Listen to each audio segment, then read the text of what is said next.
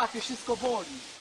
Halo, halo, witajcie. Jest 20 czerwca, niedziela. Polacy zdążyli już wdupić dwa mecze, ale to podcast zupełnie nie o tym. To nie jest podcast sportowy, to jest podcast niesportowy. I słuchajcie, rozkręcamy się w 22 odcinku, tylko i wyłącznie zwiększamy poziom, bo omawialiśmy już jakiś czas temu film Love, a dzisiaj omawiamy film Big Love. Także słuchajcie, rozwijamy się, wy się rozwijacie razem z nami. Ja nazywam się Rafał Tomczak i jest ze mną Maciej Grzękowicz i rozwijamy się również e, pod tym względem, że e, 11 odcinków temu mieliśmy odcinek II, a teraz mamy odcinek ZZ. Tak jest, tak jest. I wszyscy właśnie czekają na te follow-upy, także nie wychodzimy z roli, zabawiamy was w dalszym ciągu. A dzisiaj właśnie, film Big Love. Teraz już prawdopodobnie nikt o nim nie pamięta. God bless. E, Właśnie, właśnie. Pojawiło się w końcu 365 dni w reżyserii Barbary Białowąs, która właśnie swoje takie pierwsze duże szlify stawiała przy produkcji Big Love. No i teraz o filmie Big Love raczej myśli się w kontekście tego, jak to Barbara Białowąs wyzwała Michała Walkiewicza, czyli młodego wtedy e, krytyka, który właśnie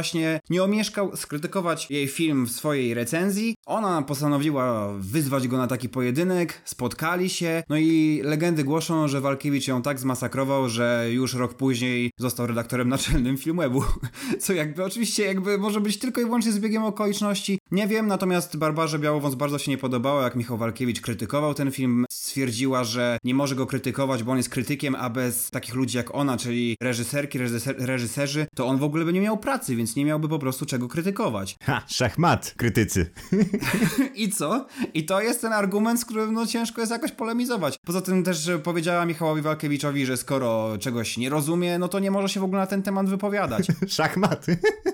Szachmat. My jednak spróbujemy się wypowiedzieć na, na temat tego filmu i obawiam się, że... Mimo, że go nie rozumiemy. Dokładnie, mimo że go nie rozumiemy i obawiam się, że Barbara Białowąs również nie byłaby zadowolona z naszej recenzji, aczkolwiek jesteśmy na tyle małym graczem, że raczej na taki pojedynek nas tutaj nie będzie wyzywała. Ale dobra, o czym to jest film? To jest film o miłości między dwójką bohaterów i to w sumie tyle. Myślę, że w ogóle więcej słów nie musimy o tym filmie mówić, jeżeli chodzi o fabułę, dlatego że na samym początku filmu bohaterowie się poznają, no i po prostu śledzimy ich perypetie. Jak to by się oglądało i widziałem twoją ocenę na Filmwebie, więc ciężko jest od tego uciec, bo ja sam oceniłem ten film w identyczny sposób, aczkolwiek kiedyś, kiedyś on mi się podobał, ale najpierw może zacznijmy od tego, jak twoje wrażenia, takie bardzo ogólne na początku. To znaczy, ja sobie zapisałem, że ten film w pewnym momencie rozwija się w taki sposób, że on, oprócz tego, jak to mówi, że to jest film o miłości dwóch bohaterów, to można by było go streścić jako przygody dwóch debili, co swoją drogą jest pod tytułem tego podcastu. Niemniej, jakby autentycznie ten film e, mi się nie, nie, nie podobał tak typu w ogóle. tak w ogóle.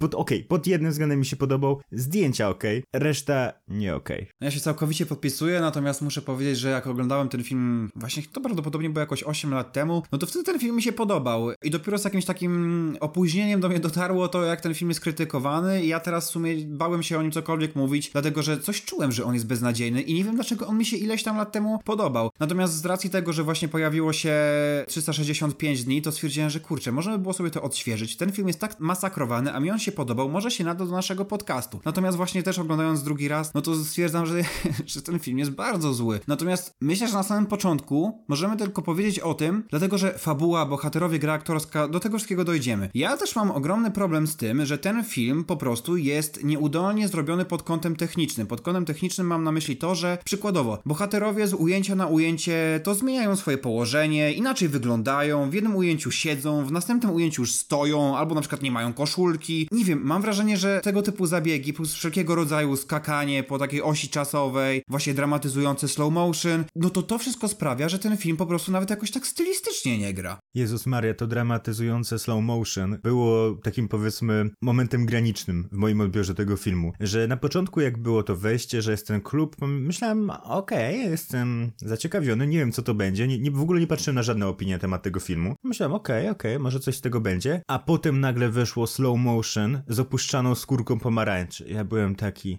what the fuck? I już wtedy wiedziałem, że coś tutaj będzie. Ale do tego chciałbym jeszcze dodać, bo tutaj mówiłeś o niespójności czasowej. Ja to w ogóle od początku miałem problem z tym, w jakim czasie się w ogóle dzieje ten film. To się, czy on jest, czy to jest PRL, czy to jest transformacja, czy to jest współczesność? Okazało się, że to jest 2002-2004, czyli w sumie rzeczywiście wszystko naraz po trosze. Ale już w tym momencie, kiedy przyjeżdża główny bohater pokazuje głównej bohaterce kasetę, mówi, chcesz wysłuchać? To nówka sztuka i bohaterka idzie. W sensie, ona nie wie, co na tej kasecie. To mogła być czysta kaseta. Po drugie, kaseta? 2002 rok, kaseta? To jest takie atrakcyjne, że to jest takie proste, naprawdę? Ja powiem tak, o, właśnie chodzi o to, że w tym filmie występuje dużo takich randomowych sytuacji, które nie dość, że sprawiają problemy z właśnie umiejscowieniem jakby tego filmu na tej takiej prawdziwej osi czasowej, to jeszcze one są po prostu tak bardzo nie pasują do tego filmu. Przykładowo właśnie te mandarynki czy pomarańcze jakby, które jakby mają swoje ujście pod koniec filmu. Tutaj nie będziemy może akurat spoilerować, ale dlaczego w ogóle te mandarynki się tam pojawiły? Jest jakaś jedna scena z motylem, gdzie bohater zabija motyla. Jest jakaś scena z człowiekiem z widłami, który po prostu przeszkadza naszym bohaterom w drodze do jakieś tam inne miejsce. Oni wtedy zakładają w ogóle jakieś zęby wampira. Jakby, dobra, inaczej, bo ta rozmowa się zrobi bardzo chaotyczna. W każdym razie taki jest ten film. Natomiast jakby faktycznie początek jest o tyle dziwny, że w jednej scenie mamy po prostu jakby naszą dwójkę bohaterów, którzy nawet się nie spotykają, a w następnej scenie podjeżdża nasz bohater właśnie pod szkołę, pokazuje tę magiczną kasetę i ta dziewczyna po prostu wchodzi do jego auta i w następnej scenie po prostu uprawiają seks. I to jest tak bardzo, a właściwie to jest w tak słaby sposób poparte, jakoś tak podprowadzone, czy fabularnie, czy podprowadzone jakimiś motywacjami bohaterów. I tak to się dzieje cały czas w trakcie tego filmu. To znaczy, ten film opowiada teoretycznie historię toksycznej miłości. I faktycznie, tam są różnego rodzaju zawirowania, bohaterowie się raz sprzeczają, potem e, uprawiają seks, potem znowu sprzeczają, grożą sobie przemocą fizyczną, potem nagle się zdradzają. Tylko chodzi o to, że my nie znamy absolutnie żadnych motywacji tych bohaterów. Po prostu nie wiemy skąd te rzeczy się biorą. Wydaje mi się, że jest to o tyle słabe, że to wszystko w połączeniu z tymi sytuacjami, które się dzieją całkowicie jakby randomowo, no to mamy taki festiwal pojedynczych scen, które zostały zebrane w jeden długi film, który jest zupełnie ze sobą niespójny. Ja powiem tak, e, nie wiemy nic o motywacjach bohaterów, mało wiemy o nich samych, tak naprawdę. Możemy czegoś się domyślać, może o to chodziło, powiedzmy, w tym filmie, jeśli mamy go jakoś tam spróbować zrozumieć, jeśli nie jesteśmy za głupi. No, żeby właśnie przez te zachowania bohaterów, tak, że tutaj nagle ma powstać jakaś niepokojąca postać, tak? Mam wrażenie, że ten Maciek miał być wykreowany takiego twardego, ale dobrego, wrażliwego, nieprzystępnego chłopaka, a wyszedł taki, taki dziwny debil, po prostu prostu, tak, tak bym to określił, nie? I chyba w każdym przypadku tak się dzieje, w przypadku każdego bohatera. Dobrym przykładem jest ta scena, w której bohaterka mówi, że dostała się do jakiejś tam e, szkoły i on po prostu reaguje, reaguje agresją i my nie wiemy, dlaczego tak się dzieje. To znaczy, oczywiście, my możemy coś tam podejrzewać, że to chodzi o, nie wiem, o to, że będzie jakaś rozłąka albo że, że coś tam, że ona ma własne życie, tylko chodzi o to, że to są rzeczy, które my musimy troszeczkę z własnego życia sobie przełożyć na to, dlatego, że fabularnie to nie jest uzasadnione. I tak jest po prostu ze wszystkim. Dodatkowo ogromnym problemem jest po prostu właśnie aktorstwo, to znaczy Antoni Pawlicki gra w, w tak sztywny sposób, że ja miałem poczucie, że oglądam po prostu jakieś paradokumenty. Albo że oglądam, wiesz, że włączyłem sobie jakieś trudne sprawy czy coś w tym stylu i mam wrażenie, że jest dużo takich scen, też rozmowa bohaterki Hamkało ze swoją e, filmową matką, to te sceny są tak aktorsko fatalne, że autentycznie miałem wrażenie, że po prostu za granie w tym filmie wzięli się całkowicie amatorzy. Też miałem takie wrażenie, miałem wrażenie, że obcuję z produkcją telewizyjną akurat e, w tej scenie, do której ty się odnosisz, gdzie właśnie była rozmowa głównej bohaterki ze swoją matką, to sobie zapisałem, że to ma potencjał na takie M jak miłość dla nastolatków w 2012 roku, kiedy to przychodzi ta matka mówi, co ty robisz, a ta, że odchodzi i schodzi po tej jakiejś tam rabatce, tak,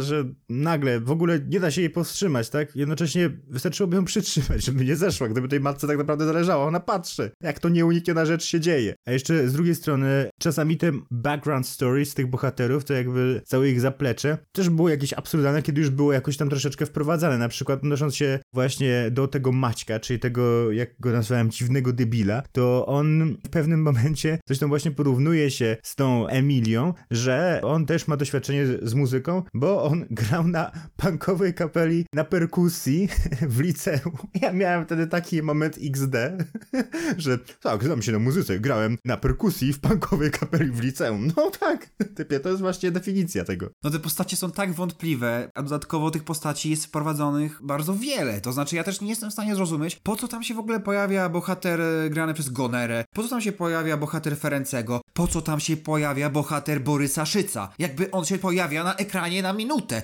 i nie jestem w stanie zrozumieć, po co te postacie są wprowadzane, albo nawet ta matka właśnie, która przyjeżdża, oni ją odbierają i w sumie tyle, i potem córka od niej ucieka. Jakby nie mam pojęcia, po co to w ogóle w tym filmie jest. Borys Szyc jest tutaj alegorią sztuki, która jest uwięziona przez Barbarę Białowąs i która nie może się wydostać z więzienia po prostu. Naprawdę, coś w tym jest, coś w tym jest, dlatego że czy Gonera, czy Ferency, oni dodają troszeczkę tak, takiej szlachetności, jeżeli chodzi o tę grę aktorską. Natomiast scenariusz i przede wszystkim dialogi całkowicie niweczą ich pracę, dlatego że te dialogi są tak nieprzemyślane, są tak drętwe, są albo jednocześnie drętwe i przerysowane. Ja podczas żadnego z poprzednich seansów filmów, jakie robiliśmy tutaj w podcaście, nie pauzowałem tak często filmu, dlatego że ja non-stop coś notowałem. To znaczy non-stop notowałem i stwierdziłem, że muszę zaczekać, muszę zaczekać, muszę zaczekać czekać. A potem stwierdziłem po prostu, że nie, ja nie mogę tak oglądać i stwierdziłem, że nie będę notował absolutnie każdego dialogu, bo to jest tak durne. Stwierdziłem, że po prostu trzeba wyjść z założenia, że te dialogi są pisane niemalże na kolanie i to wszystko się nie trzyma kupy i nie ma sensu po prostu już dobra, spróbuję się chociaż odrobinę cieszyć tym filmem, natomiast żałowałem wielce, dlatego że oglądałem ten film w pojedynkę i mam wrażenie, że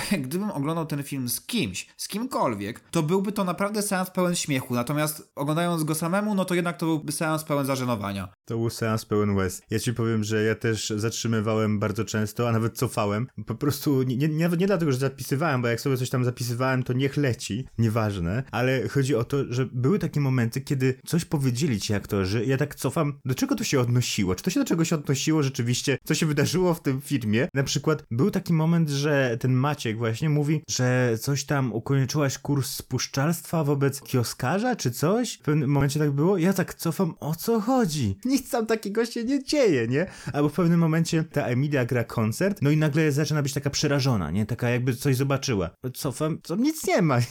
Przecież tu nikogo nie ma. Nie no, dokładnie, dokładnie. Jakby to wyglądało mniej więcej w ten sposób, że my widzieliśmy jakieś takie highlighty z tej ich relacji, natomiast nie widzieliśmy tego, co się pomiędzy nimi dzieje. W ogóle nie widzieliśmy, co doprowadza do tych skrajnych załamań, co doprowadza do tych twistów. My jakby tylko patrzymy na sytuacje, które zebrane właśnie w taką kubkę, no to jakby są całkowicie absurdalne. To ich zestawienie ze sobą w jednej scenie bohaterka przyjmuje zaręczyny, a w drugiej scenie się okazuje, że ona od dwóch lat zdradza tego bohatera. I chodzi o to, że to jest powiązane ze sobą tylko i wyłącznie tym, że po prostu to jest ujęcie, które następuje jedno po drugim. Natomiast fabularnie tutaj nie ma żadnych mostów. Ja ci przyznam, że ja nie wiedziałem, ile lat miała Barbara Rzeczona, reżyserka tego filmu, kiedy go otworzyła. Ja w pewnym momencie stwierdziłem, że to wygląda jak coś, co nagrał właśnie student filmówki, który nawet jeszcze nie ukończył tej filmówki, tylko jest zainspirowany wielką sztuką i chciałby stworzyć wielką sztukę na temat codzienności, współczesności, życia na bloku patologicznego pomiędzy elitą a ludem. No i tak spodziewałem się, nie wiem, 20-22 lata. No, tak, tak. Nie, niestety. Ale jeszcze a propos tworzenia tych postaci. E, nie wiem, czy zauważyłeś, że Maciek miał tatuaż widysz. A to nawet nie zwróciłem uwagi, wiesz? Ma tatuaż widysz, który jest tam chyba na jego mniej więcej e, lewym obojczyku. Zauważyłem, że są litery hebrajskie, no i tak patrzę, nie czytam, co to jest napisane. I wiesz, co tam jest napisane? Need regrets, czyli no regrets.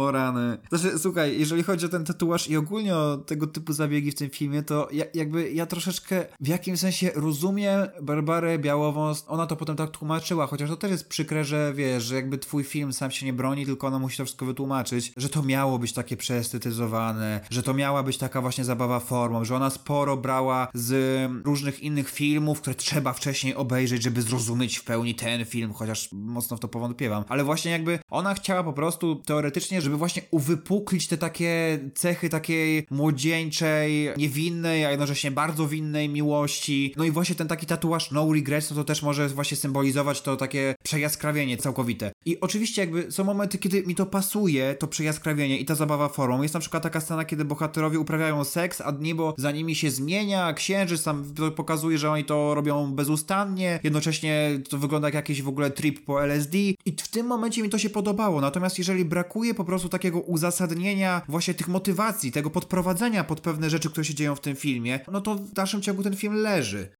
Ja mam wrażenie, że ten tatuaż właśnie może być doskonałą alegorią tego, co chciała tutaj Barbara Białowąs osiągnąć, czyli z jednej strony no regrets, ale z drugiej strony widysz i nikt nie rozumie o co chodzi do końca i jest to niezrozumiałe. A jeśli chodzi o tamtą scenę właśnie, która wyglądała trochę jak triple SD, sobie pomyślałem jakby, okej, okay, we get it, uprawiają seks, tak? We get it.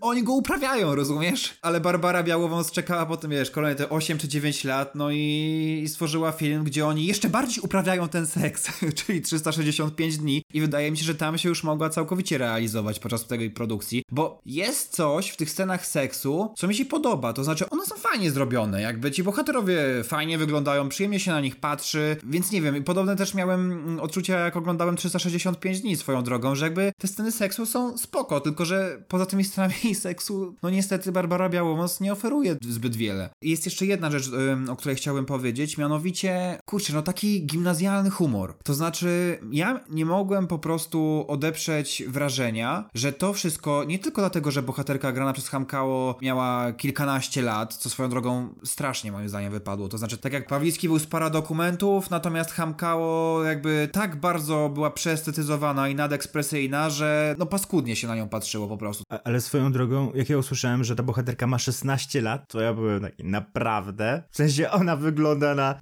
25, no. No, ale trzeba przyznać, że naprawdę trudno by byłoby mi wybrać, czy to właśnie Hamkało czy Pawlicki bardziej mnie denerwowali. Przyznaję, że jedno i drugie non-stop we dwójkę walczyli o pierwsze miejsce i do tej pory nie wiem. Po prostu to jest rewelacyjny duet, jeżeli o to chodzi. Web, web. Nie, naprawdę, mnie też. Web, web, tak. Natomiast wracając do tego humoru. Problematyczne jest dla mnie to, że na samym początku filmu mamy taki, taki właśnie humor w stylu bohaterka e, Hamkało spytała się o telefon. No i wtedy bohater Pawlickiego mówi telefonu ci nie dam, mogę dać ci tylko numer. Tak, no i chodzi o to, że tego rodzaju teksty pojawiają się w tym filmie bardzo często i jest to jakieś takie dziwne, bo jest to takie pomieszanie dziecinności, dziecinnego humoru. Właśnie ktoś to powiedział, że to są po prostu zachowania wyjęte z brawo. Ja się w 100% zgadzam i dlatego właśnie zastanawiałem się nad wiekiem Barbary Białowąs y, i konkretnie ja sobie myślę tutaj, że tak jak mówiłeś o tych kliszach i tak dalej, to się tutaj wszystko dobrze zgrywa, nie? Że jest tutaj y, klisza tego, jak wygląda artystyczny, ale też taki toksyczny związek. Tak, tu jest y, właśnie klisza, jak wygląda ta młodzieńcza miłość, ale z drugiej strony jest też klisza na temat tego, jak wygląda taka e, już bardziej dojrzała miłość, czy raczej może relacja i właśnie o to chodzi, że to ponownie jest klisza, tak? Bo ta relacja, konkretnie chodzi mi o e, tą między Robertem Gonerą i jego ekranową e, żoną, jest jak najbardziej po prostu jedną wielką kliszą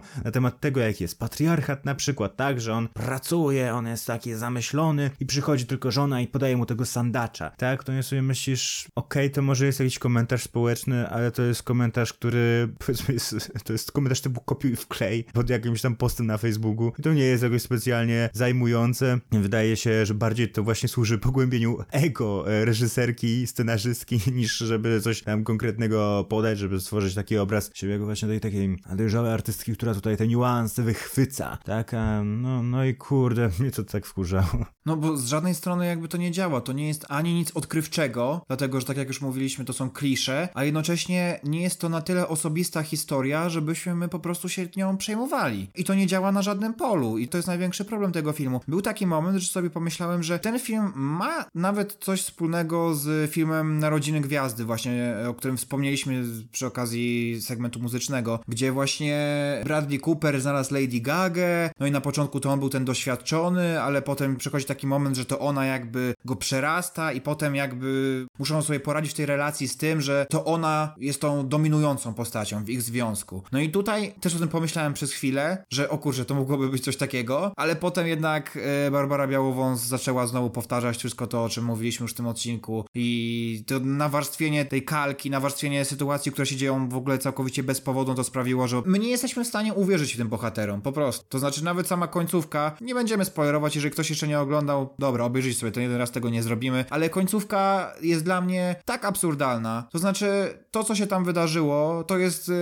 twist pokroju tego z Mamma Mia, z ostatnich scen, po prostu. Znaczy ja powiem tak, to są właśnie narodziny gwiazdy i używając jednego z moich ulubionych żartów, tylko takie polskie.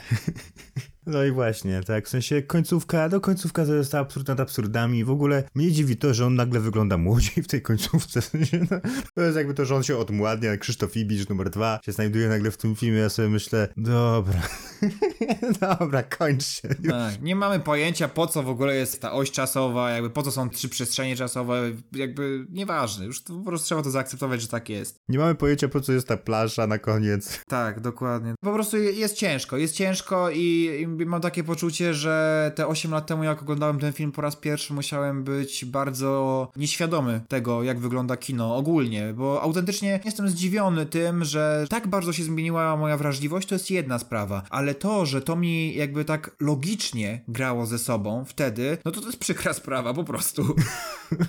Powiem tak, no to jest jednak film, który może pasować dla naszego podcastu właśnie z tego powodu, e, chociażby, że dla kogoś tam może to rzeczywiście jakoś tam zagrać, a poza tym nasza instytucjonalna teoria guilty pleasure również tutaj się sprawdza, ponieważ, e, chociaż oczywiście tylko taka polska skala tego, bo Młodzi Film, konkurs pełnometrażowych filmów fabularnych, Jantar za odkrycie aktorskie dla Aleksandry Hamkało, to musiał być bardzo słaby rok dla Polski. Oj, musiał być. Nominacje, udział w konkursie głównym Barbara Białowąs, okej, okay. nominacje off camera, ale z drugiej strony nominacje węże, wiadomo. No i mamy właśnie tę zależność. No ale ja bym jednak znalazł jakąś jedną stronę dobrą w tym filmie, a konkretnie właśnie tę warstwę, chyba myślę, że wizualną, która jakoś tam w pewnym momencie stwierdziłem, że okej, okay, ten film może jest zły sam w sobie, ale jeśli chodzi o to, jak przedstawia jakąś tam polską paletę barw chociażby, szczególnie w tych scenach, e, jak jechali na początku w sumie autem, jak się zatrzymywali w lesie, czułem, że to jest jakoś bardzo autentyczne. Tak, zgadzam się, bo też o tym pomyślałem wtedy i, i pomyślałem sobie nawet, że ty zwrócisz na to uwagę w podcaście. Także podpisuję się po tym, albo jeszcze jest taka jedna scena, jak oni sobie piją chyba wino po prostu między blokami, też mi się to akurat podobało. Także tak, no jeżeli chodzi o scenografię i to, jak ta scenografia została nakręcona, to tutaj są jakieś te pozytywy. No i drugim pozytywem jest jeszcze to na pewno, że ten film, jak już takie porzucicie wszelkiego rodzaju oczekiwania, przyzwyczajicie się troszeczkę do tej konwencji, a właściwie do całkowitego miszmaszu konwencji, to wtedy tylko nie oglądając w to możecie czerpać trochę radości z tego filmu, komentować to, co się dzieje na ekranie, śmiać się z tego i koniec końców paradoksalnie ja ten film polecam, bo to jest ciekawe doświadczenie coś takiego obejrzeć. No właśnie, to jest ta różnica między polecaniem dobrego filmu, a ciekawego doświadczenia. Tak, zdecydowanie. Dobra, no to przejdźmy w takim razie chyba, wiesz, do kolejnego segmentu musimy postawić jakieś granice. Dobra, stawiamy granice w takim razie. Nie wiem, czy wiecie, drodzy słuchacze, ale dzisiaj nasz segment muzyczny będzie czeski. Będzie czeski i zaczynamy go od utworu Hranice w wykonaniu zespołu Minuta Ticha i co jest jakimś tam twistem również e, z udziałem polskich wykonawców. Czy to był dla ciebie twist? Zdecydowanie tak. To znaczy, słuchaj, jak ten utwór już leciał u mnie na słuchawkach, no to sobie tam jakby wczuwam się, wczuwam, mm, tak, tak, coś tam. I nagle się pojawia Polska. Ja takie, wow, a to Polska właśnie. I byłem w szoku, naprawdę byłem w szoku. Ja też byłem w szoku, prawdę mówiąc, bo ja szukałem utworów do audycji mojej o granicach właśnie, ponieważ e, no teraz byłem w tym Gryfinie, no to e, przeszedłem sobie przez granicę, stwierdziłem, ha, zrobię audycję o granicach i tam wyszukuję sobie coś tam właśnie związanego z granicami, wpisuję po czesku granice, nie? Widzę jakiś tam utwór, minuta ticha, czyli minuta ciszy swoją drogą po polsku. No i dobra, nie? Leci sobie, wczuwam się, czuję taki vibe, który już sam w sobie jakby generalnie mógłbym zakwalifikować jako guilty pleasure, chyba chyba sam w sobie. A tu nagle się coś takiego dzieje, że zaczyna się właśnie zwrotka po polsku i połowa tego utworu jest po polsku. Zabraliśmy właśnie słuchaczom radość z odkrycia tego, ale może też przygotowaliśmy ich na to. Ponieważ Granice, czyli Granice, to jest utwór, który był na płycie z 2005 roku, jedynej płycie zespołu Minuta e, Ticha, no i jest właśnie przygotowany przez tych raperów z Karwiny swoją drogą, czyli e, taki to, no totalny, jakby totalna prywata, ale to jest mniej więcej ten obszar Czech, gdzie skąd pochodzi moja rodzina, czyli właśnie Śląsk Śląsk Cieszyński to jest sąsiednia wioska praktycznie. A jeden e, z DJ-ów, który tam również występuje na tej płycie, chyba w innym utworze, to nawet z samego Chawierzowa pochodzi, czyli właśnie z, z dokładnie z tego miasta, gdzie ja jeszcze ciągle. Tak więc to było dla mnie jakiś tam patriotic moment. Aż dziwne, że wiesz, że wcześniej nie znałeś tego utworu. Właśnie nie do końca dziwne. No, Okej, okay, w sumie i tu nie masz. I, I, tak, ten aspekt tego, że to jest utwór e, właśnie w połączeniu Karwina x e, Dąbrowa, no to to jest, to jest fajne i to samo już sobie zasługuje na jakiś tam e, samą wzmiankę, ale ten utwór jest taki, kurde, ma w sobie taki vibe e, takiego mocnego undergroundu, niekoniecznie dobrze rozumianego. No on w ogóle jest taki prawilny, to znaczy ja nie wiem, jak ja sobie słuchałem tego początku, w ogóle nic nie rozumiałem oczywiście, dlatego tym bardziej się zdziwiłem, jak, jak się, okazało, że drugą część tekstu rozumiałem całkowicie. Więc jakby nic nie rozumiem, ale tam sobie macham macham głową, no i tak się wkręciłem. Nawet sobie pomyślałem właśnie, że dlaczego guilty, no bo w sumie taki prawilny rapik, fajnie, coś tam, coś tam. No i też mnie rozbawiła myśl trochę, że to taka polsko-czeska komitywa właśnie, że wiesz, że kiedyś było Kajne Gręcen i ja teraz mamy wersję 2.0, no. Ziomki bez granic polsko-czeskie. Czy mi się to w ogóle bardzo skojarzyło z utworem 2 kilo albo 2 kilo Paktofoniki, który to jest ostatni na płycie kinematografia i oni go nagrali właśnie z raperami z Niemiec w dokładnie takiej samej formie, że jest część po polsku, część po niemiecku, znaczy tylko może moim, mi bardziej siada tam ten utwór Paktofoniki generalnie, bo ogólnie mi siadają skille Paktofoniki jakoś bardziej, ale swoją drogą wydaje mi się, że bardzo się zainspirowali również raperzy właśnie polscy, szczególnie pierwsza wykonawczyni, która, no nie wiem, ja wychwytywałem jakoś taką nutę delivery magika nawet, nie wiem, ty może coś takiego zauważyłeś? Coś w tym było, ja nie jestem, przyznaję, że nigdy nie słuchałem specjalnie magika i paktofoniki, więc trudno mi się odnieść do tego, natomiast faktycznie jest coś takiego, ten rap był jakiś taki oddolny, nie wiem trochę jak, jak to inaczej przekazać, ale on tak jakby wynikał naprawdę z takiego zacięcia właśnie tego prawilnego, tego truskulowego. I tego się słuchało bardzo fajnie, bo to było autentyczne po prostu. I właśnie dlatego między innymi stwierdziłem, że ten utwór jest bardzo fajny, bo mnie też również wzrusza coś takiego, nie? Takie autentyczne zacięcie i takie swoją drogą bardzo szczere i jakby dobre intencje, nie? Bo to bardziej zresztą wybrzmiało w tej części czeskiej, gdzie tam właśnie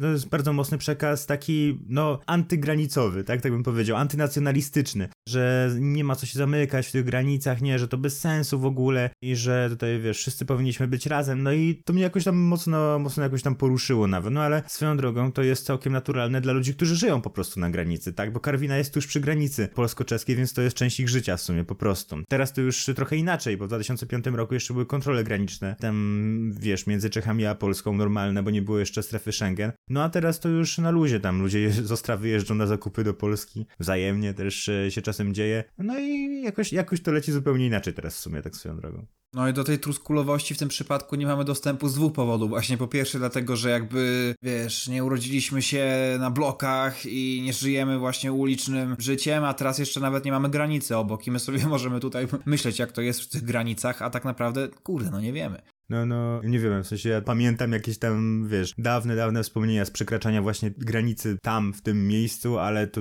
jakby już dawno. Mi nawet brakuje takiego na serio przekraczania granic, dlatego się ekscytuję, jak mi sprawdzają paszport. to jest dopiero guilty pleasure. W sumie porozmawiamy o tym jeszcze. Dobra, to w takim razie na razie nie pokazujemy paszportu, bo nigdzie z Czech nie wyjeżdżamy, po prostu wracamy, znaczy cały czas jesteśmy. Słuchajcie, teraz będzie utwór zatytułowany bardzo wdzięcznie, mianowicie Snapchat Instagram. W wykonaniu, no i właśnie, właśnie, w wykonaniu Johnego Maszety, Maczety, Maszet, jak byś to przeczytał? To nie jest po czesku, jakby mam tutaj te same skille co ty. Maszej. No właśnie, to nie jest w ogóle po żadnemu, no bo to jest jakaś fantazja na temat... Z dowolna interpretacja generalnie słowa maczeta w jakimś języku zachodnim. Dokładnie, dokładnie. To jest utwór wykonany także z Reginaldem i Candy Mainem albo Candy Mane. Wiesz, no jakby jest ciężko, a co ciekawe będzie tylko gorzej, dlatego że jest to właśnie utwór tym razem w całości całości w języku czeskim, więc ja nie rozumiem go kompletnie. Nie mam pojęcia. Natomiast teledysk rzuca jakieś takie podpowiedzi. No i oczywiście zachwycający refren, który od samego początku wpada w ucho. No i łatwo jest go zaśpiewać, bo oni tam powtarzają ciągle Snapchat, Instagram, więc łatwo mi jest go zaśpiewać, fajnie się utrwala. No i od pierwszych chwil ogromne wrażenie robi na mnie bicik. Bicik jest super. To znaczy, jak tylko to się zaczyna ta muzyczka, to ja już jestem wkręcony. No tylko teraz mi powiedz, o czym to jest utwór? Znaczy, ja ci powiem tak. Słuchając tego utworu i oglądając to wideo, pomyślałem sobie, że gdyby tak się stało, rzeczywiście doprowadzono by na przykład do sądów Chiny za ten hipotetyczne wypuszczenie koronawirusa na świat, to wideo byłoby argumentem za Chinami. Że jakby, okej, okay, zaczęliśmy pandemię, ale zobaczcie jak było przedtem. o Jezu, aż tak? I Chiny miałyby szansę. Nie, no żartuję, troszeczkę żartuję, ale to wideo naprawdę jest straszne. Ale w każdym razie, dobra, ja ci przetłumaczę, co się tutaj dzieje. Bo przepraszam, jeszcze tylko, jeszcze tylko wtrącę, że ja szukałem oczywiście tłumaczenia, ale okazuje się, że w polskim internecie no niestety takowego nie ma, więc muszę zasięgnąć po prostu opinii eksperta. No tak, refren. Snapchat, Instagram, Jedusi, Snapchat, Instagram. Ale mówiąc, ja nie do końca wiem, co znaczy Jedusi, Snapchat, Instagram, bo to jest jadę sobie Snapchatem i Instagramem? Pewnie skroluję. Chyba coś w tym stylu. No ale dobra, nieważne, Snapchat, Instagram, a out tu tuhle holku znam, czyli i stąd znam tę dziewczynę. Co jest swoją drogą, kurczę, adekwatne do mojego życia, po prostu. No właśnie. No i ten, cześć, jestem Johnny. Śledź mnie na Instagramie, ale nie, nie myśl sobie, że ci dam followa albo lajka. Musiałabyś wyglądać jak Kairi. Językiem umieć to, Reports of Wrecking Ball Miley. I to jest chyba dobre miejsce na pauzę, dlatego że... To jest dobre miejsce na pauzę, ale jakoś Johnny nie skorzystał z tego.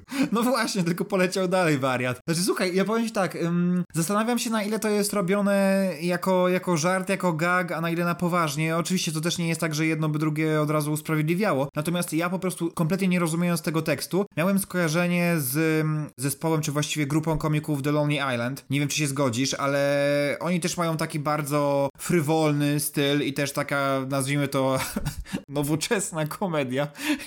Chociaż, no dobra, tak to powiedzmy. W każdym razie, ja, ja nawet nie wiem skąd ja wziąłem teraz ten utwór Snap przez Instagram. To znaczy, dla mnie to są jacyś youtubero-raperzy, którzy nagrywają właśnie utwór z True Lonely Island i całkowicie nie znam genezy i sobie słucham i tak zaczynam się bujać do tego po prostu i kurde, czuję, że to jest jakieś takie niewybredne, bardzo bezpośrednie i płytkie, a z drugiej strony mam sobie takie przeświadczenie, że kurde, no opowiadają o tym e, oglądaniu dziewczyn na Instagramie, o tym scrollowaniu coś tam i taki wiesz, no we've all been there, no po prostu. Ja ci powiem tak, e, mogę tutaj przynajmniej rozwiać twoje wątpliwości na temat tego, że Johnny Machette to nie jest żaden youtuber, tylko to jest po prostu raper. No tak, tak, ja tam widziałem, że on tworzy jakąś muzykę, faktycznie. Tak, w sensie chodzi o to, że on nie jest komikiem, nie? W sensie i to jest trochę przykre, bo się okazuje, że to jest tak chyba trochę na poważnie przynajmniej. I czytając ten tekst też mam takie wrażenie. Ja ci mogę jeszcze dalej przetłumaczyć go trochę. No możesz, możesz. E, na przykład zwrotka Candymana, która mnie jakoś tam poruszyła. Jestem online tak bardzo, że gdybym był jeszcze trochę bardziej, to byłbym internetem.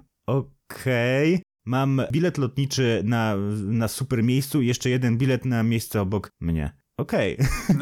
Okay. to, to ci dzięki. To ci dzięki, Candyman. Ale wiesz co, ale kurczę, bo jak on mówi o tym, że jakby byłby internetem, jakby, wiesz, w tym teledysku, bo ja staram się tak troszeczkę bronić tego utworu, jednocześnie go, gorzej rozumiejąc od ciebie, co jednocześnie może być z góry przegraną sprawą. Natomiast wiesz, w tym teledysku oni tam sobie tańczą ze swoimi bitmoji, fajnie mają nałożone filtry i wiesz, i, i przez to, ale wiesz, i chodzi o to, że jakby to jest na tyle takie głupawe, że po prostu ja oglądając ten teledysk i to, że oni tak ciągle nawiązują do social mediów y, w tym teledysku, no to miałem takie poczucie, że kurczę, oni, no, oni nie robią chyba tego na serio. Nawet w ostatniej scenie jest coś takiego, że po prostu przychodzą jakieś dziewczyny i oni tam patrzą się na nie i je jakoś tam oceniają. No i wiesz, jakby to, to, to nie jest tak, że jednocześnie, że jeżeli to byłby żart, to od razu znaczy, że dobre, fajne, fajne, no bo absolutnie nie. Ale po prostu zastanawiam się, no jak powinniśmy podejść do tej intencjonalności tutaj. Myślę, że odpowiedzią na to pytanie może być zwrotka Reginalda, która jest po prostu, powiedzmy, ani śmieszna, ani jakaś niezwykła, jest po prostu strasznie konwencjonalna dla rapu tak naprawdę. W sensie i myślę, że to pokazuje trochę to, że oni chyba to naprawdę jednak nie robili aż tego aż tak komediowo, no bo przeczytam ci.